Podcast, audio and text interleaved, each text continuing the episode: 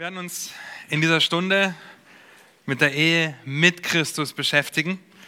So wunderbar, wie das alles zusammenspielt und zusammenpasst. Natürlich haben wir uns abgesprochen, wie die Themen aufgebaut werden sollen, aber der genaue Inhalt, den haben wir nicht zu 100 Prozent miteinander abgesprochen. Und so ist es ermutigend zu sehen, wie die Ehe vor dem Sündenfall aussah, wie die Ehe nach dem Sündenfall aussieht aber wie sie mit Christus wieder aussehen kann. Und wie es wieder ähnlich sein kann wie vor dem Sündenfall, weil wir eine Beziehung zu Gott haben. Auf keinen Fall wird es genauso sein wie vor dem Sündenfall. Äh, das ist allein schon die Konsequenz des Fluches, dass ihr zum Beispiel schwitzt, wenn ihr arbeiten müsst ähm, und im Schweiß eures Angesichts euer Brot verdienen dürft. Aber wir können wieder dahin kommen, Gott die Ehre zu geben in unseren Ehen. Und so werden wir uns in der nächsten Stunde damit beschäftigen, was es heißt, die Ehe mit Christus zu leben.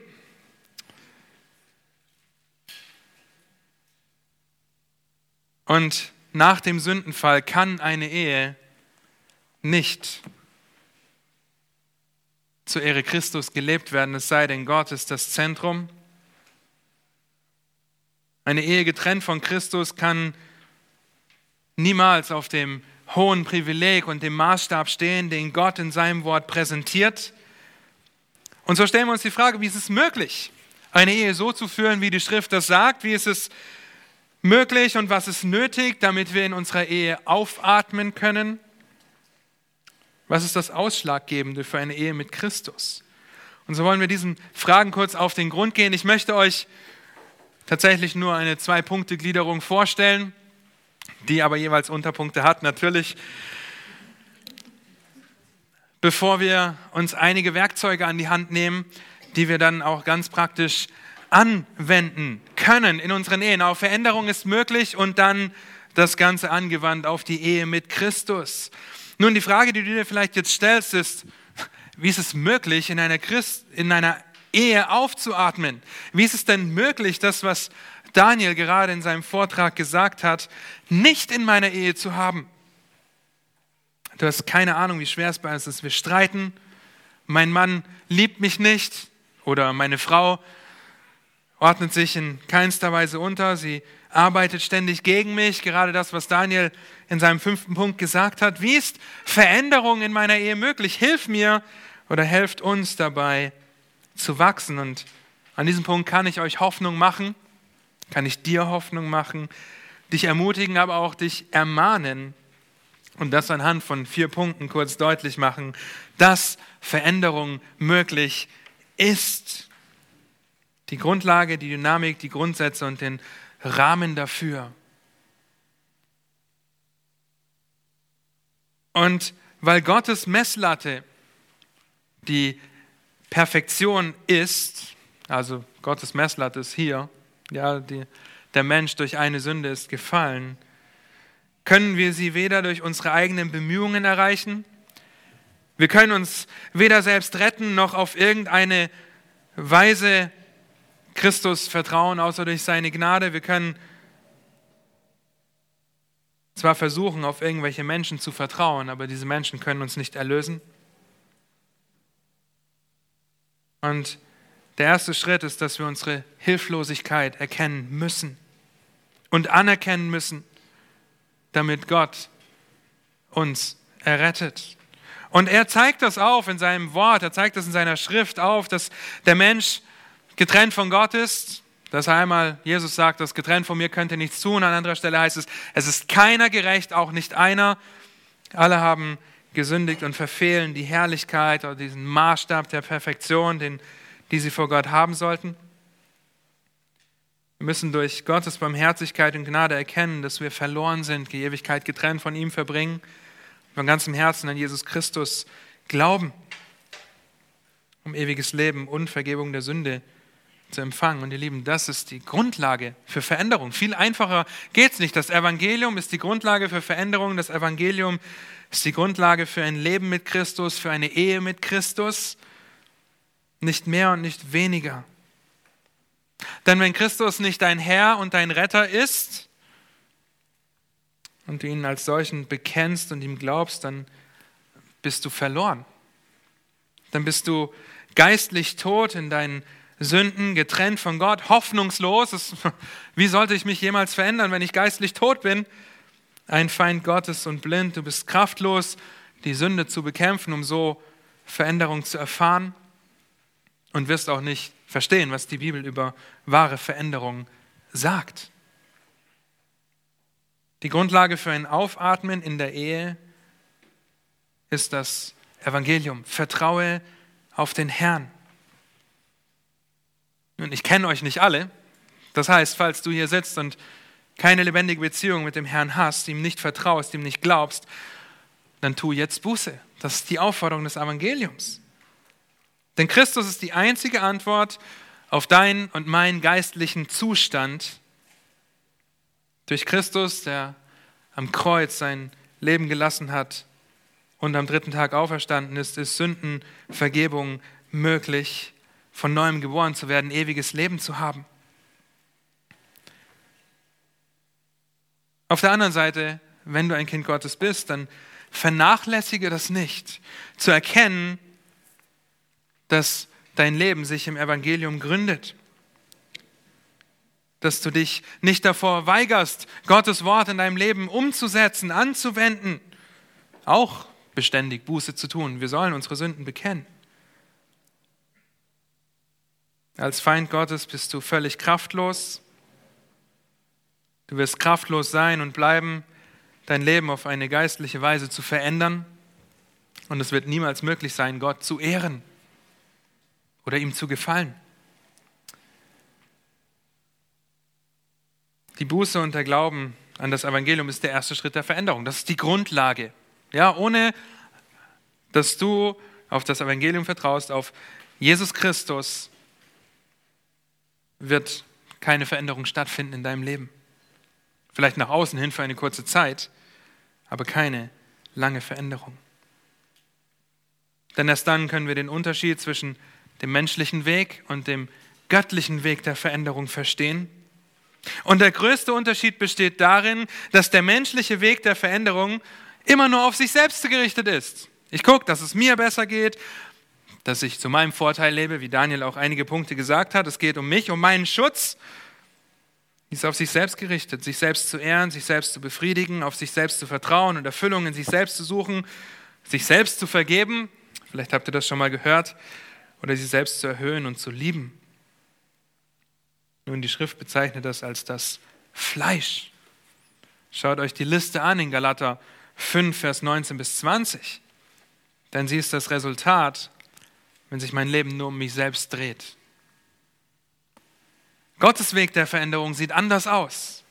Er erneuert und verändert uns durch das Ablegen der alten und Anlegen der neuen Natur in unserer Errettung. Wir sind eine neue Schöpfung. Er erneuert unsere Sinne. Gott bekräftigt oder befähigt uns, uns zu verleugnen und den alten Menschen beständig abzulegen. Die Bibel spricht sogar davon, dass wir ihn abtöten sollen. Harte Worte, die sie hier gebraucht. Und ihm selbst die Ehre zu geben, auch Gott selbst die Ehre zu geben. Er ermöglicht es uns durch sein Wort zu erkennen, dass es sich nicht um uns dreht, sondern um ihn und seine Ehre. Wir haben diesen Vers hier stehen, ihm sei die Ehre in der Gemeinde in Christus Jesus. Ihm sei die Ehre. Er ermöglicht es uns durch sein Wort zu erkennen, dass Veränderung möglich ist, dass er sie schenkt. Er wirkt das Wollen und Vollbringen. Dennoch sollen wir unsere Rettung mit Furcht und Zittern verwirklichen. Du musst in Gottes Wort verwurzelt sein und dich nicht dem Weltlauf anpassen, Römer 12 sagt das deutlich. Zusammenfassend können wir zur Grundlage der Veränderung sagen, dass es der Prozess ist, der mit dem Evangelium beginnt.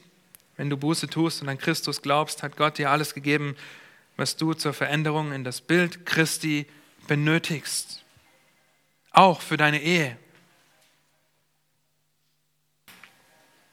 Das hält euch wach, der Klingelton. Ja.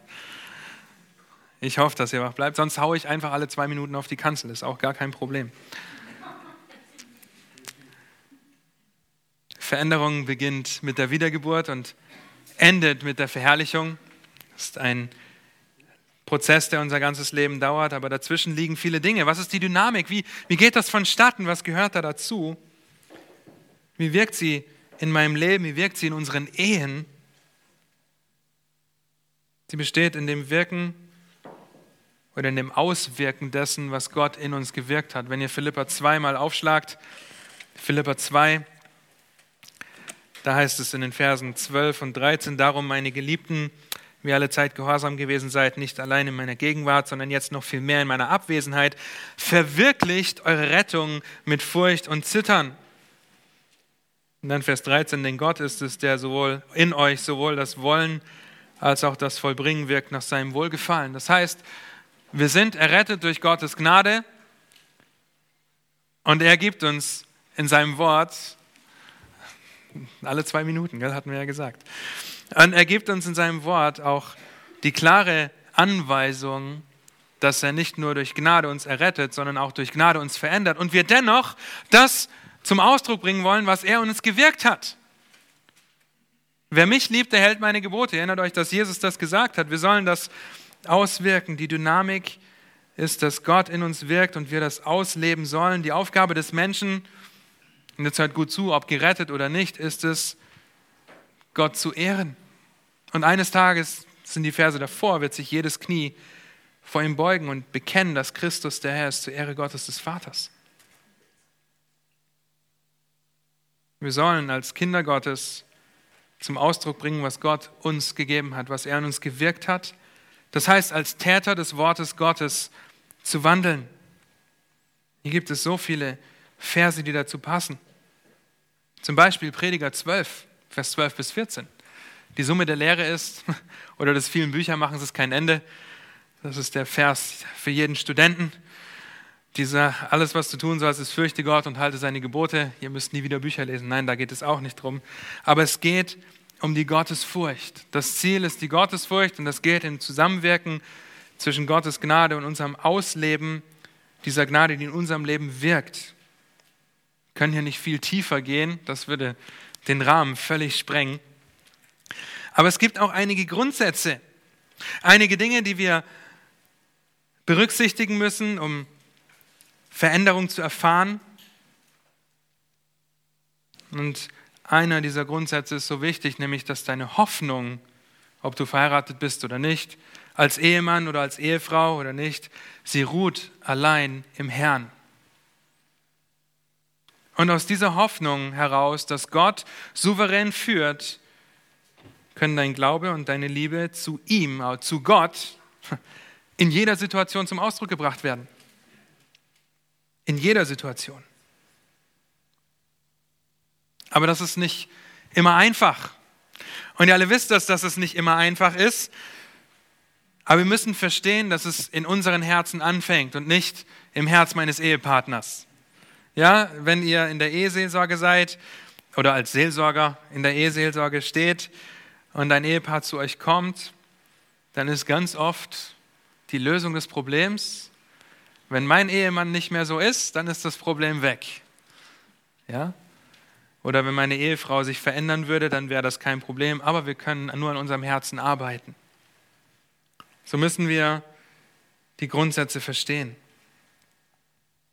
als alleinstehende Person, als verheiratete Person, mit einem gläubigen Ehepartner, mit einem ungläubigen Ehepartner, gerade frisch zum Glauben gekommen, gerade zusammengekommen, es ist egal.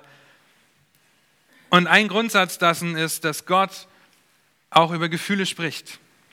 Gefühle. Denn Gefühle zeigen oft den Fokus auf, den wir in unserem Leben haben. Zeigen also auf, auf wen oder was wir uns verlassen, um Frieden oder Glück zu finden. Wir haben da letztes Jahr eine Focus on Christ-Konferenz drüber gehalten. Es war sehr ermutigend zu sehen, wie die Bibel auch darüber spricht und Prinzipien dort weitergibt. Das Gefühl, dass einem etwas ungerecht erscheint, gerade in einer Ehe. Man fokussiert sich zu schnell auf sich selbst. Ja, ich fühle mich jetzt verletzt, ich fühle mich beleidigt, ich fühle mich wütend. Man konzentriert sich auf seinen eigenen Bauchnabel und nicht auf Christus. Gefühle zeigen eine Sicht auf, auf was du deinen Fokus legst. Sind ein guter Indikator dafür, ob du in jeder Situation für dich oder für Christus lebst. Als zweites ist da dein Handeln. Denn oft entspringt das unseren Gefühlen, denn es zeigt das Ausmaß deiner Hingabe auf. Bedeutet, wenn du ein Täter des Wortes Gottes bist, wirst du geistlich wachsen. Wenn du kein Täter des Wortes Gottes bist, betrügst du dich selbst und wirst geistlich eingehen. Wir sollen Täter des Wortes Gottes sein. Und selbst wenn wir gläubige Kinder Gottes sind, müssen wir uns hier selber prüfen. Bin ich ein Täter des Wortes Gottes? Oder bin ich ein Täter der Worte Gottes, die mir gefallen? Und die, die mir nicht gefallen, die lasse ich. Zum Beispiel mich für meine Frau aufzuopfern, wie Christus sich für die Gemeinde aufgeopfert hat. Das ist mir zu viel. Oder als Ehefrau sich unterzuordnen, wie es in Epheser 5 heißt. Das ist mir zu anstrengend, zu viel. Und drittens natürlich dein Herz. Dein Herz wird zum Teil durch Gedanken, deine Worte und deine Taten zum Vorschein gebracht. Davon, wovon der Mund redet, davon sprudelt das Herz über, sagt Jesus selbst. Auf wen verlässt du dich in schwierigen Situationen? Was bestimmt deine Gesprächsthemen, wenn du mit anderen redest? Auf Menschen? Bist du darauf konzentriert, wenn du redest? Mit irgendwelchen Stars, die irgendwas Tolles jetzt wieder gemacht haben? Vielleicht dreht sich dein Leben auch um irgendwelche Aktivitäten, dass du so viel unterwegs bist, wie es nur geht, anstatt in der Gemeinde zu dienen oder dich um die Geschwister der Gemeinde zu kümmern, weil du die Möglichkeit hättest, oder gar Substanzen, lieben Drogen, Alkohol, Missbrauch. Das hält auch nicht zurück vor den Kindern Gottes. Deshalb, es zeigt uns unser Herz auf. Das, was in unserem Herzen ist, das wird rauskommen. Und die Frage ist, in einer Ehe, was kommt aus deinem Herzen? Als Ehemann, als Ehefrau, was kommt aus deinem Herzen? Ist es vom Wort Gottes getränkt, weil du dich Gott, im Wort Gottes befindest, weil du Gemeinschaft hast mit Gläubigen, die fünf Gs, weil du im Gebet bist, gehorsam das tust, was Gottes Wort sagt? Oder ist dein Wort getränkt von Umständen, von Wünschen, Verlangen, Begierden, von Themen, die dich abhalten davon, weil sie einen so großen Zeitraum deines Tages einnehmen oder von Substanzen, die dich beherrschen, wo du nur drüber nachdenkst, wenn du sie nicht bekommst, ob es Tabak ist, ob es Alkohol ist, irgendwelche Drogen, das Spielen. Wir können uns so schnell ablenken. Das, was in deinem Herzen ist, das wird zum Vorschein kommen. Und diese drei Bereiche sind ein grundsätzlicher Indikator dafür, wo du mit Gott stehst. Und nur durch Gott ist es möglich, diese Bereiche unter die Herrschaft des souveränen Gottes zu stellen, Buße zu tun und sich auch bewusst durch seine Gnade zu verändern. Und das gibt Mut und das gibt Hoffnung für jedes noch so große Ehechaos. Es ist möglich, Frieden und Freude zu haben, wenn wir ein Täter des Wortes sind, wenn wir getränkt sind in Gottes Wort, durch Gottes Wort.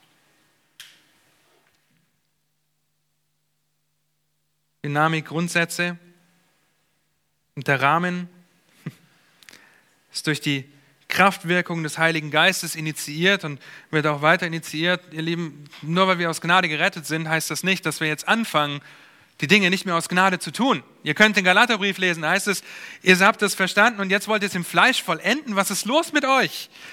Es ist nach wie vor durch den Geist Gottes. Als neue Kreatur in Christus hast du die Kraft, habe ich die Kraft, dass wir unsere Gefühle, unsere Handlungen, unser Herz verändern.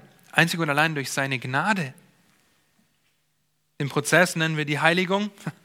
Ein andauernder Prozess, der bis zu unserem Tod niemals zu Ende sein wird. Das bedeutet, Gottes Wort in jedem Bereich deines Lebens anzuwenden. Gefühle, Gedanken, Taten in deinem Herzen. Dazu musst du Gottes Wort kennen und im Gehorsam anwenden. Und das ist eigentlich der Rahmen. Ihr, die meisten von euch kennen das Lied. Lies die Bibel, bet jeden Tag, wenn was? Wenn du wachsen willst. Und das war's. Lies die Bibel, bet jeden Tag, wenn du wachsen willst. Weil wenn du die Bibel liest, wenn du ein Kind Gottes bist, dann wirst du sie anwenden. Sie wird dich überführen von Sünde, du wirst Buße tun, sie wird dich verändern. Das können wir tun. So können wir anfangen, die alten sündigen Gewohnheiten abzulegen und die Wahrheiten der Schrift anzulegen, erneuert zu werden, beständig erneuert zu werden in unserer Gesinnung. Und dazu lese ich euch ein paar Verse aus Epheser Kapitel 4. Epheser Kapitel 4 ist ein so schönes Kapitel, das den alten Wandel beschreibt. Es fängt an, nun wandelt als Kinder, wandelt würdig des Evangeliums.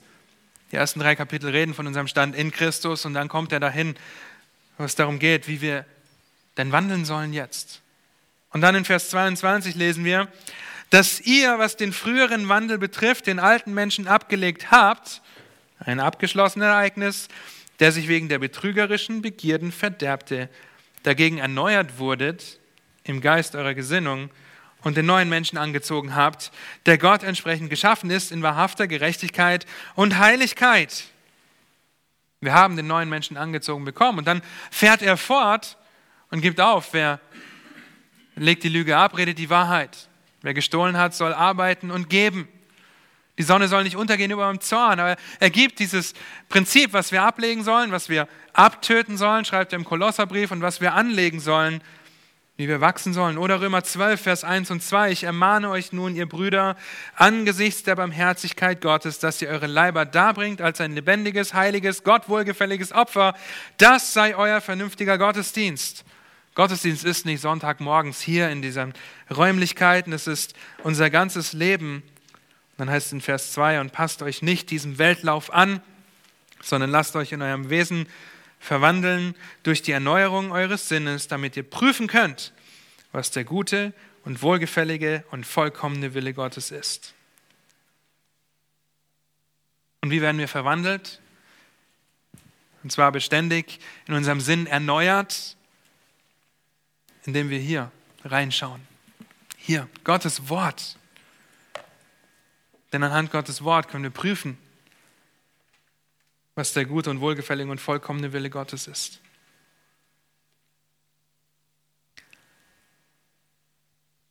Das heißt, um sündige Gewohnheiten zu entlarven und abzulegen, ist es wichtig, dass du dein Leben anhand der Schrift prüfst. David hat das gemacht im Psalm 139 sagt, erforsche mich, oh Gott, und zeige mir, wie ich es meine. Er hat das gemacht, er hat das verstanden, dass er sein Leben nur unter der souveränen Führung Gottes ausleben kann. Und um ihm die Ehre zu geben, muss Gott ihm aufzeigen, wo er fehlt, wo er sündigt. Das heißt, definiere die Sünde in deinem Leben anhand der Schrift, nicht anhand deiner Erfahrung, nicht anhand deines Gewissens. Das ist sehr gefährlich. Ja, ich fühle mich nicht schlecht dabei, dass ich jetzt jemanden umgebracht habe. Das ist völlig übertrieben. Ja. Ich fühle mich nicht schlecht dabei, dass ich nach meiner Frau fünf Teller geschmissen habe beim letzten Streit. Das machen wir immer so. Das ist doch nicht verkehrt.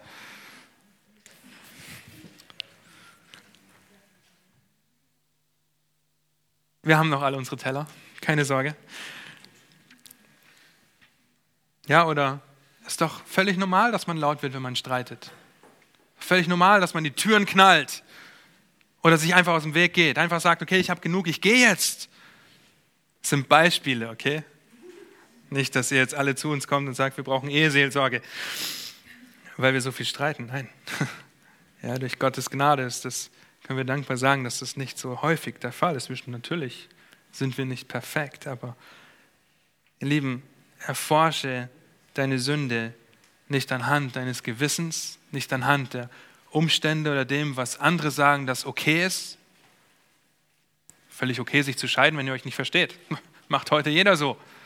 Ja? Nein, Gott hasst Ehescheidung, aber dazu müssen wir Gottes Wort kennen, müssen es anwenden in unserem Leben, müssen es lesen, müssen es umsetzen. und herausfinden, wie die Bibel die Sünde nennt, die wir vielleicht selber gar nicht so richtig greifen können. Was die Schrift für Prinzipien gibt, wenn es keine direkte Sünde, sondern eine Weisheitsentscheidung ist. Also was die Schrift sagt und es als Sünde definiert. Und auf der anderen Seite, was die Schrift darüber sagt, was das Gegenteil ist. Was das Gegenteil von dem ist, was wir also jetzt anlegen sollen. Epheser 4 ist eine wunderbare Liste dafür. Ihr könnt euch das durchlesen, die letzten Verse dort. Wir sollen das ablegen, gerade Vers 31 und 32, alle Bitterkeit, Wut und Zorn und Geschrei und Lästerung sei von euch weggetan, samt aller Bosheit. Was sollen wir ablegen? Das eigentlich sind zwei Top-Verse für eine Ehe, für jede Ehe. Okay, wenn ihr nur zwei Verse auswendig könnt oder lernen wollt, dann wären das die zwei Verse für eure Ehe. Das soll alles weggetan sein. Seid aber anlegen. Gegeneinander freundlich und barmherzig und vergebt einander, gleich wie Gott euch vergeben hat in Christus. Anwenden dessen, was Gottes Wort sagt, über das Ablegen und das Anlegen. Geh ins Gebet und fange an zu handeln. Warte nicht erst, bis du vielleicht ein schlechtes Gewissen hast oder bis sich dein Ehepartner ändert, bis sich deine Umstände ändern, weil du endlich umziehst, weil du endlich fertig bist mit dem Studium. Nein, fang jetzt an, dein Leben zu prüfen und Buße zu tun. Geh ins Gebet und fleh Gott an, dass er dir zeigt, wie du es meinst und erforsch die Schrift. Erneuere deine Gesinnung und das ist ein anhaltender Prozess. Das heißt, kontinuierlich in Bezug auf dein Wachstum als in Christus. Es kann dadurch geschehen, dass du Verse auswendig lernst, dass du Gottes Wort studierst, die fünf Gs umsetzt, Glaube, Gebet, Gehorsam, Gottes Wort und Gemeinschaft.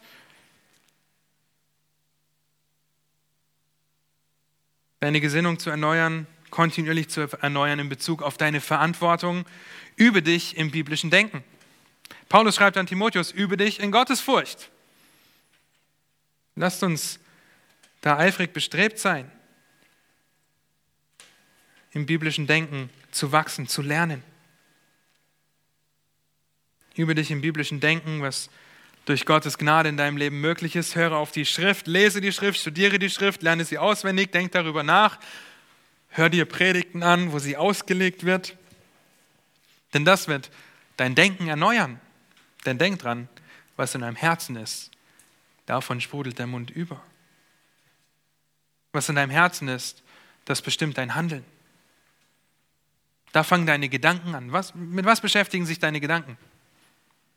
Worum kreisen sie? Worum drehen sie sich? Als frisch Verliebte vielleicht nur um den Partner? Wie Daniel vorhin gesagt hat, Streit? Was ist das? Ja. Als Alleinstehender vielleicht um den Gedanken, werde ich jemals heiraten? Worum drehen sich deine Gedanken? Drehen sie sich um Gottes Wahrheiten und sein Wort oder drehen sie sich um dich selbst, um deinen Bauchnabel? Und das nächste ist, gib nicht auf. Bleib dabei, wir sollen beständig Buße tun, dann ist er treu und gerecht und vergibt uns unsere Schuld und reinigt uns von aller Ungerechtigkeit. Das heißt, wir werden hinfallen, wir werden, wir werden das nicht schaffen. Ja. Aber dann heißt es, ihr habt das auch schon gehört, wir laufen, wir fallen, wir stehen auf, wir richten unsere Krone und laufen weiter. Wir sind Kinder Gottes, wir sind Königskinder, die durch Gottes Gnade dazu befähigt sind, das alles umzusetzen. Das habe ich hier natürlich nicht geklickt, aber das ist okay. Aber was hat das jetzt mit dem Aufatmen zu tun? Mit der Ehe mit Christus? Und ihr merkt vielleicht schon, dass es einen ganz großen und engen Zusammenhang gibt, eine ganze Menge, wenn die Schrift die Grundlage ist. Dann ist nämlich die Errettung und die Hoffnung auf Veränderung der Ausgangspunkt für eine Ehe mit Christus. Der Ausgangspunkt für eine Ehe, die Christus im Zentrum hat, im Inneren hat und ihn, ihm die Ehre gibt. Gott verändert Herzen, nicht du. Du kannst niemanden verändern, nicht deinen Arbeitskollegen, deine Kinder, deine Freunde, schon gar nicht deinen Ehepartner. Und es leben nun mal in einer gefallenen Welt zwei Sünder unter einem Dach. Und es wird noch schwieriger, wenn dann drei, vier, fünf und sechs dazukommen. Wir leben in einer gefallenen Welt. Wir sind nicht in der Lage, wir sind nicht in der Lage, die Herzen anderer zu verändern. Wir können an uns arbeiten, durch Gottes Gnade, der unser Herz verändert. Ja, wir können Gott darum anflehen, dass er Veränderung im Herzen des anderen schenkt und gibt und das Verlangen auch zu wachsen, eine Ehe zur Ehre Christi zu führen. Nun, und wenn es euch aufgefallen ist, dann haben wir erst zwei oder drei Bibelstellen gelesen. Wir haben, ich hab, könnte euch so viele Stellen geben, die das alles untermauern. Es gibt eine lange Liste, biblische Wahrheiten, auf die wir uns konzentrieren können und sollen und wollen. Wenn ihr viele Bibelstellen haben wollt, dann dürft ihr auf mich zukommen. Ja, ich kann euch die ganze Liste runtergeben. Kein, kein Problem. Wir sollen Gottes Wort in jedem Bereich unseres Lebens anwenden, denn, und das ist wichtig als Grundlage für eine Ehe mit Christus, ob ihr euch auf die Ehe vorbereitet, ob ihr ein Jahr verheiratet seid, ob ihr zehn Jahre, 25, ist egal.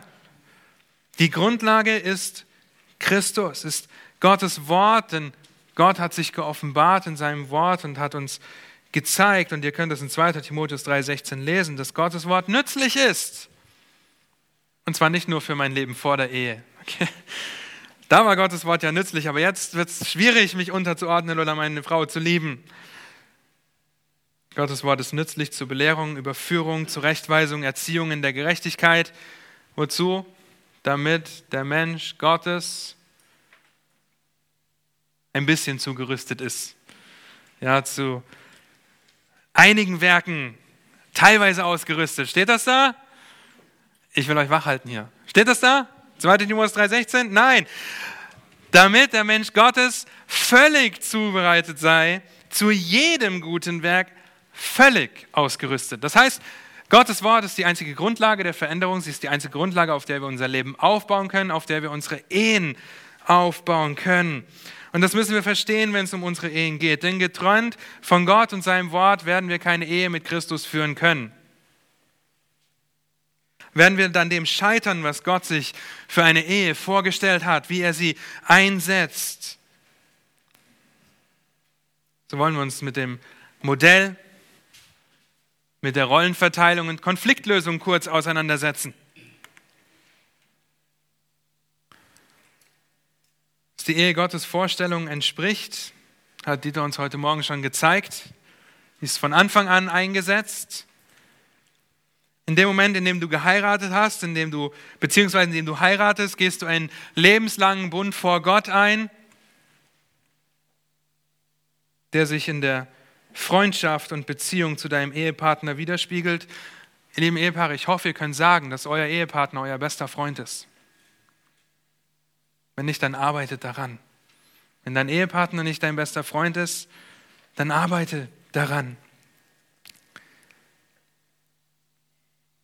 Gott hat der Ehe einen Charakter gegeben und sie als grundlegend für die Gesellschaft gemacht.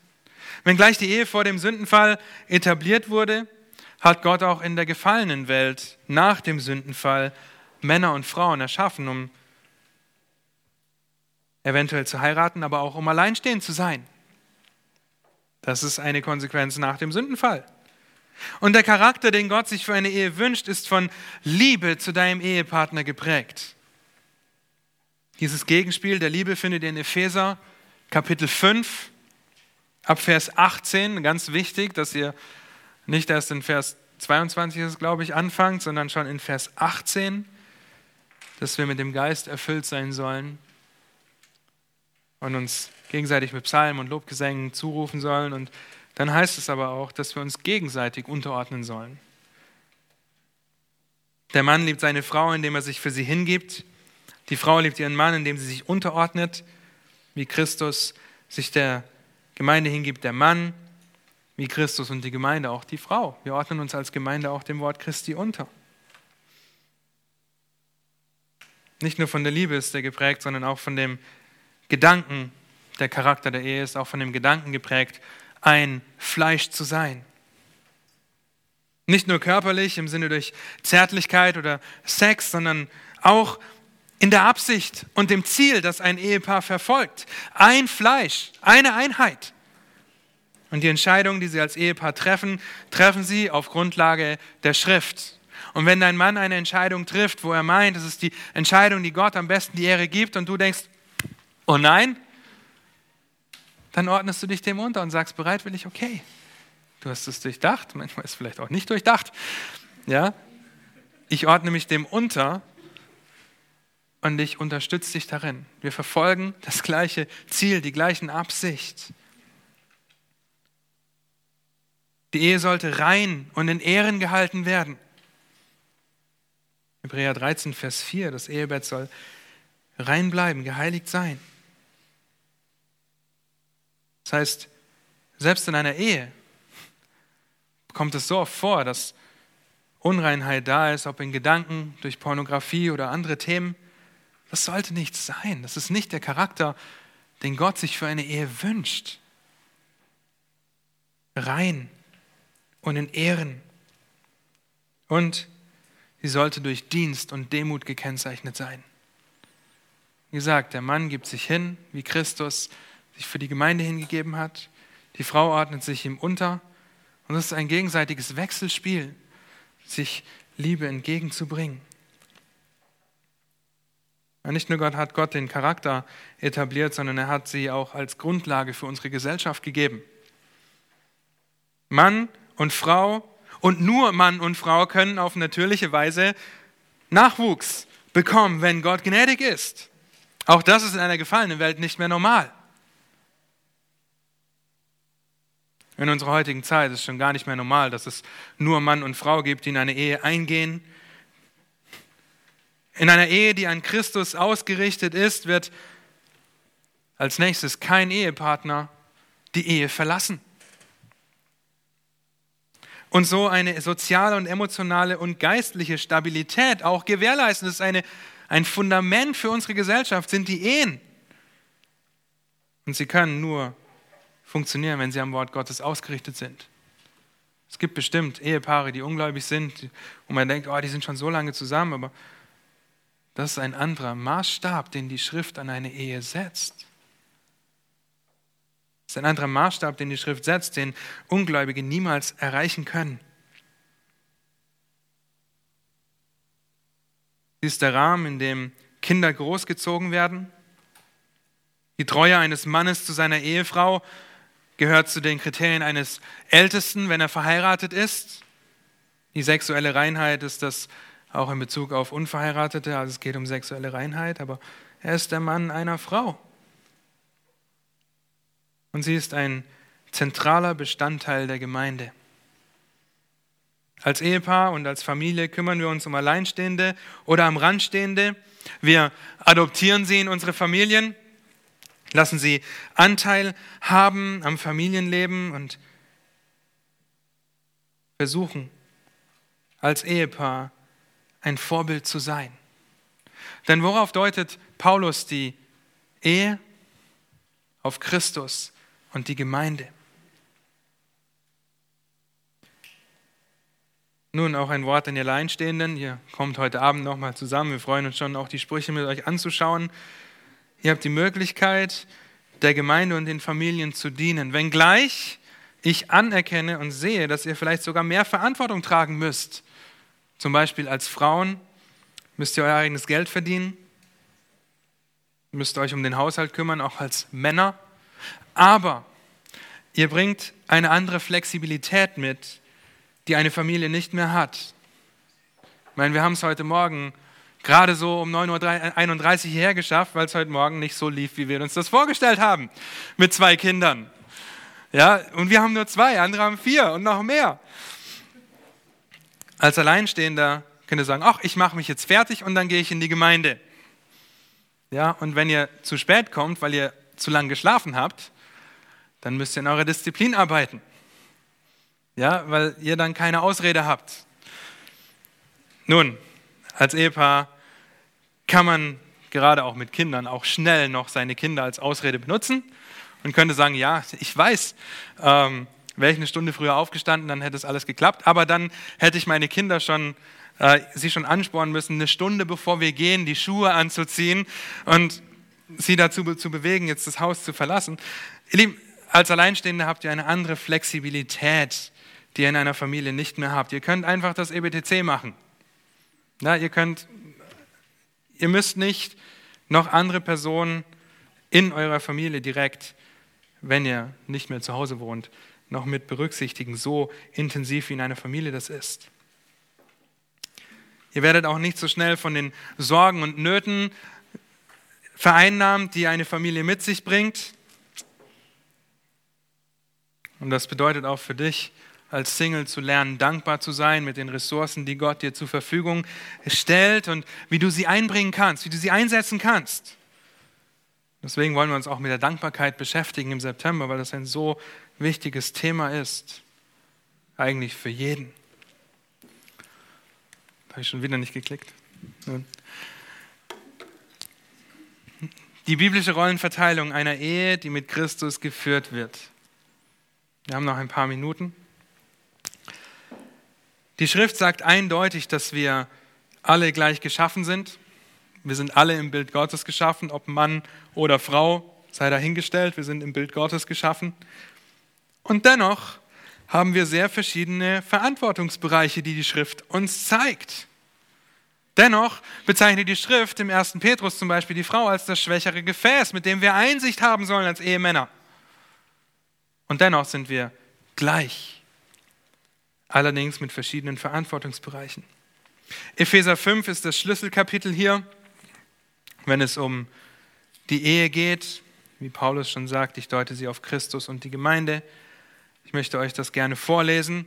Ab Vers 18, wie gesagt, denn in Vers 18 geht dieser Kontext los, da heißt es, und berauscht euch nicht mit Wein, was Ausschweifung ist, sondern werdet voll Geistes. Redet zueinander mit Psalmen und Lobgesängen und geistlichen Liedern. Wenn ihr nicht wisst, was ihr als Ehepaar miteinander reden sollt, dann schlagt die Psalmen auf und lest euch die Psalmen vor. Oder singt zusammen, wenn ihr musikalisch seid.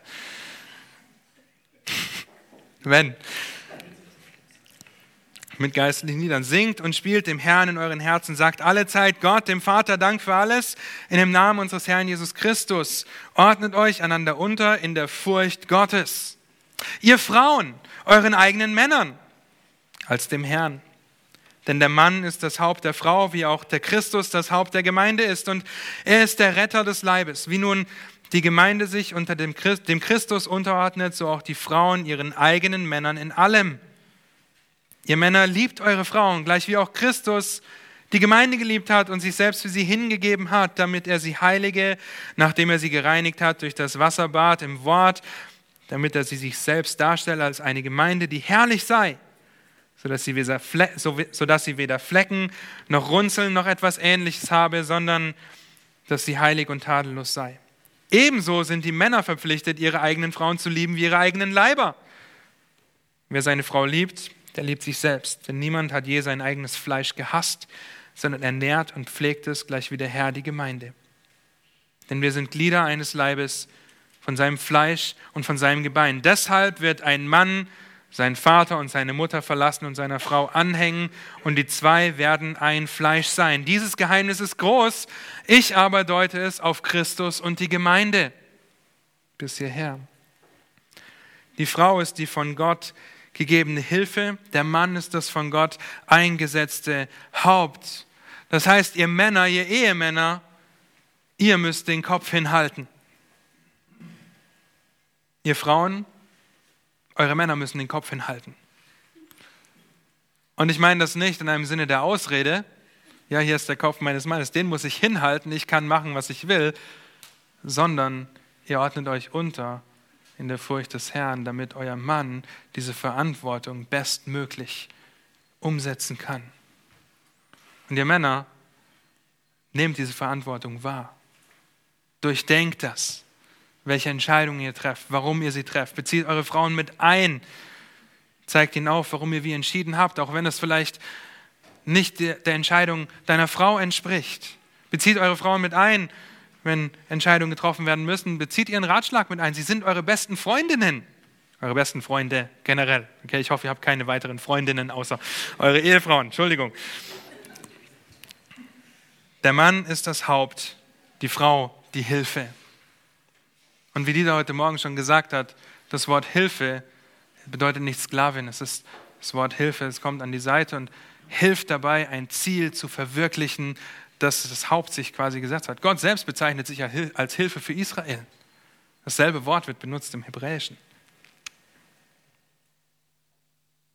Vor einigen Monaten im Februar haben wir mit den Frauen Titus 2 betrachtet. Ihr erinnert euch vielleicht, ihr Frauen, die ihr dabei wart, und haben Spurgeon zitiert.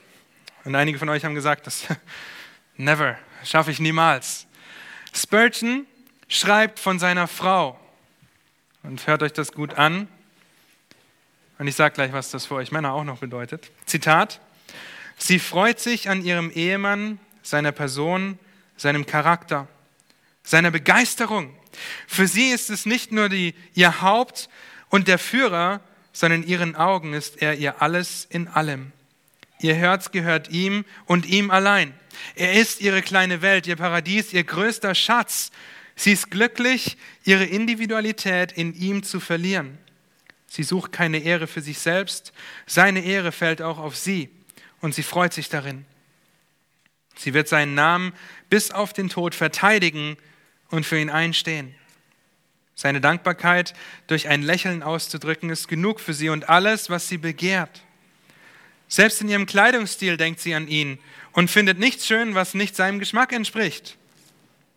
Er hat viele Ziele im Leben, einige davon wird sie nie richtig verstehen, aber sie glaubt an sie alle und setzt alles daran, diese Ziele voranzutreiben und freut sich darin, das zu tun. Solch eine Frau, eine wahre Ehefrau, realisiert das Beispiel, das die Ehe geben soll und zeigt durch ihr Leben, was Einheit mit dem Herrn bedeutet. Zitat Ende. Das bedeutet es, eine Hilfe zu sein. Und ihr Frauen, danach könnt ihr streben. Nicht jeder von euch wird eine Frau von Spurgeon sein oder einem Spurgeon-ähnlichen Mann. Und ihr Männer schmunzelt vielleicht und denkt, ja, wenn meine Frau so wäre, dann wäre mein Leben so viel einfacher. Aber hört gut zu. Ihr tragt die Verantwortung dafür. Ihr Männer steht in der Verantwortung, eure Frauen dahingehend anzuleiten, dass es ihnen leicht fällt, so eine Frau zu werden. Ihr Männer seid dafür verantwortlich. Ihr seid nicht nur die Beschützer und Versorger, ihr seid die Hirten. Ihr seid die geistlichen Leiter zu Hause. Ihr seid die, die die Verantwortung wahrnehmen und sich für ihre Ehefrauen hingeben, aufopfern, wie Christus sich für die Gemeinde aufgeopfert hat. Das heißt, du hängst deine eigenen Wünsche, deine eigenen Begierde, deine Lüste ans Kreuz. Wenn du nach einem anstrengenden Tag auf der Arbeit nach Hause kommst, setzt du dich nicht aufs Sofa, schmeißt alle aus dem Wohnzimmer und guckst Fernsehen, sondern du kümmerst dich um die Kinder. Greifst deiner Frau unter die Arme, hilfst ihr, die Küche zu machen, den Müll rauszubringen, fragst sie, wie du sie unterstützen kannst. Das bedeutet nicht, dass du kein Leiter zu Hause bist. Das bedeutet, dass du gerade ein Gott wohlgefälliger Leiter bist. Denn das heißt, wir sollen uns hingeben. Und das ist wirklich völlig konträr zu dem, was die Welt heute über Führung zu sagen hat. Ein Leiter sollte klar sagen, wo es hingeht. 100% stimme ich überein. Ein Leiter sollte das aber ohne Rücksicht auf Verluste tun. Und das ist das, wogegen die Bibel klar spricht. Ehemänner, wir sind keine Tyrannen. Wir sollen demütige, liebende Leiter sein, die unseren Nächsten die Füße waschen. Das heißt, massiere deiner Frau heute Abend die Füße. Ganz einfach. Zum Beispiel. Natürlich kannst du sie bitten, sie vorher zu waschen, aber selbst wenn nicht, ihr Lieben, versteht das, als Männer tragt ihr die Verantwortung für das geistliche Wohlergehen in eurem Zuhause. Ihr seid das. Nicht die Frauen, schon gar nicht die Kinder, Männer. Wir sind das Haupt, wir tragen die Verantwortung und wir sollen Leiter sein, und zwar so, wie Christus sich für die Gemeinde hingegeben hat. Und er hat nicht gesagt, Johannes, geh du ans Kreuz, sondern er ist ans Kreuz gegangen, hat sich aufgeopfert, hat sich komplett hingegeben für seine Gemeinde. Trefft Entscheidungen, die ihr durchdenkt. Ein Leiter ist demütig, ein Leiter ist sanftmütig und er leitet im besten Interesse des anderen, aber immer zur Ehre Gottes. Ihr trefft Entscheidungen und durchdenkt sie. Ist es die Entscheidung, die Gott am besten ehrt, dann trefft sie. Auch wenn eure Frauen vielleicht andere Vorlieben haben, anders dazu denken. Bezieht eure Frauen mit ein, berücksichtigt ihre Gedanken und ihre Wünsche, geht darauf ein. Und wenn es Gott die größte Ehre gibt, dann könnt ihr auch die Entscheidung treffen, die eure Frau treffen würde. Aber ihr seid diejenigen, die die Entscheidung treffen. Hängt euren Stolz ans Kreuz. Und unsere Zeit ist so gut wie um. Ich muss mir ein bisschen sputen. Biblische Konfliktlösung zum Schluss. Um das alles, was wir gehört haben, wenn wir das alles perfekt umsetzen würden, dann müssten wir diesen Punkt gar nicht betrachten. Okay?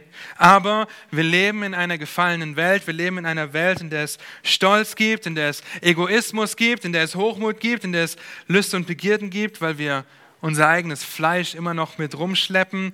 Sündigen wir auch noch? Wir sind tatsächlich noch in der Lage zu sündigen und einen Konflikt in unseren Ehen zu haben. Ja, Dieter hat über die Ehe ohne Christus aus Erfahrung, äh, vor dem Sündenfall aus Erfahrung gesprochen. er lacht gut, er ist noch wach. Ähm, nein, wir leben in einer, Ehe, in einer Welt, in der es noch Konflikte gibt.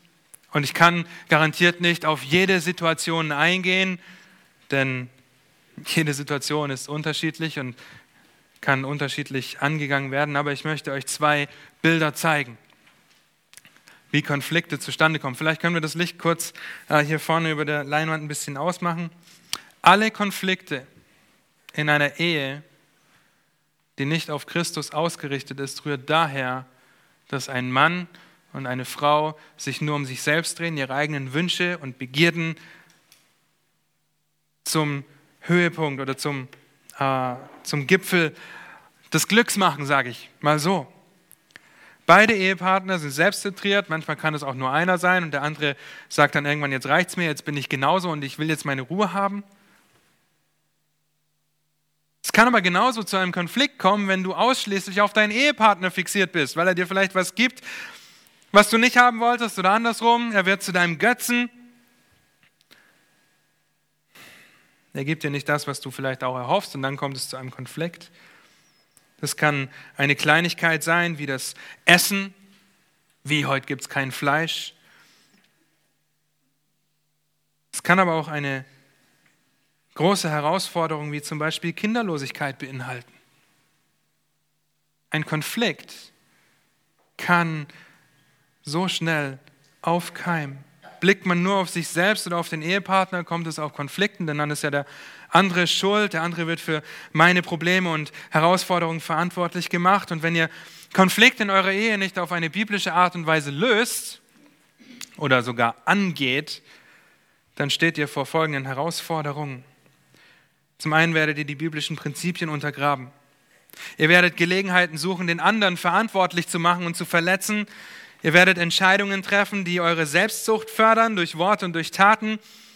Ihr werdet euren Gefühlen das Steuer überlassen. Ihr werdet nebeneinander leben, nicht mehr miteinander. Ihr werdet Gründe suchen, mit denen ihr drohen könnt, euch scheiden zu lassen. Und im schlimmsten Fall werdet ihr nach jemandem suchen, der wirklich kompatibel zu euch ist. Das kann passieren, wenn eine Ehe, eine, ein Konflikt nicht auf eine biblische Art und Weise gelöst wird. Und das sind keine guten Aussichten. Man kann das totschweigen und am nächsten Morgen so tun, als ob nie was gewesen wäre, aber der Konflikt ist nicht aufgearbeitet, nicht vergeben worden, keine Vergebung gesucht. Das geschieht, wenn ihr euch um euch selbst dreht, nur auf euch selbst bedacht seid. Und dann tut Buße. Wirklich, tut Buße und kehrt um. Beharrt nicht auf euren Stolz und sucht euch Hilfe.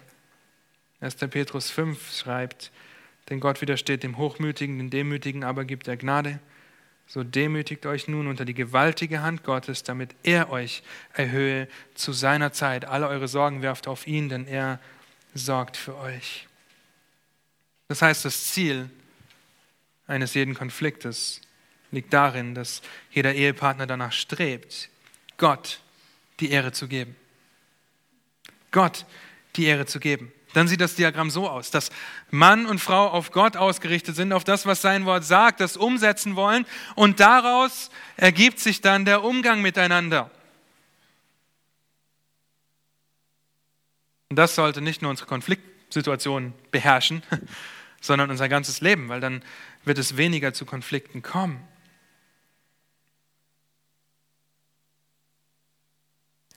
Hin zu Gott und aus der Sicht der Schrift hin zum Partner.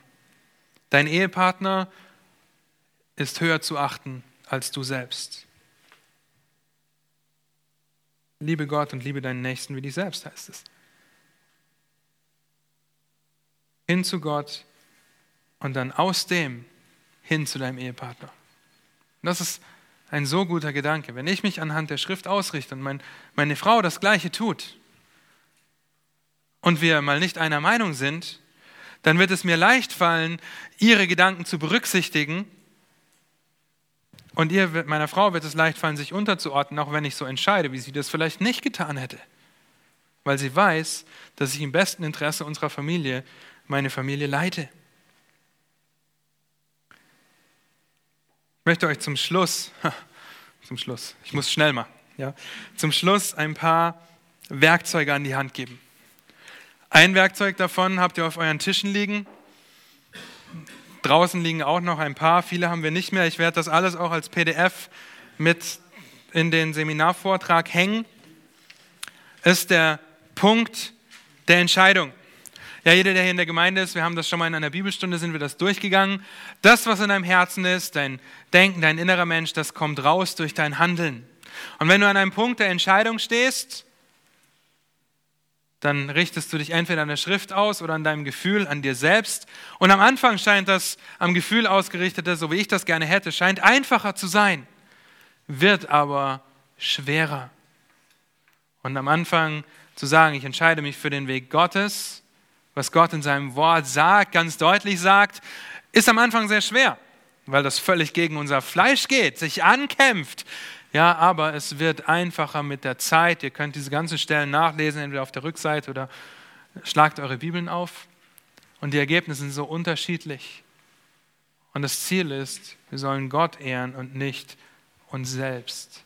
Und das geht durch Gewohnheiten, sowohl gute Gewohnheiten, die mehr dieses Ergebnis hier fördern, und auch äh, schlechte Gewohnheiten, Entschuldigung, und gute Gewohnheiten, die diese Seite fördern.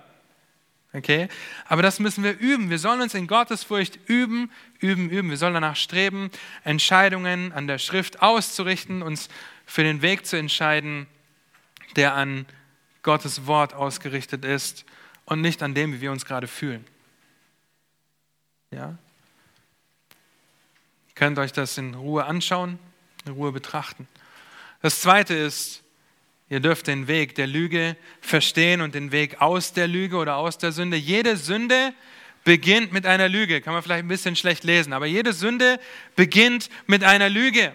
Wenn ihr 1. Mose 3 aufschlagt und lest, Eva hat der Schlange zugehört, hat darüber nachgedacht, ah, von dem Baum ist gut zu essen, glaubt daran, okay, wenn ich davon esse, dann werde ich sein wie Gott. Und dann handelt sie.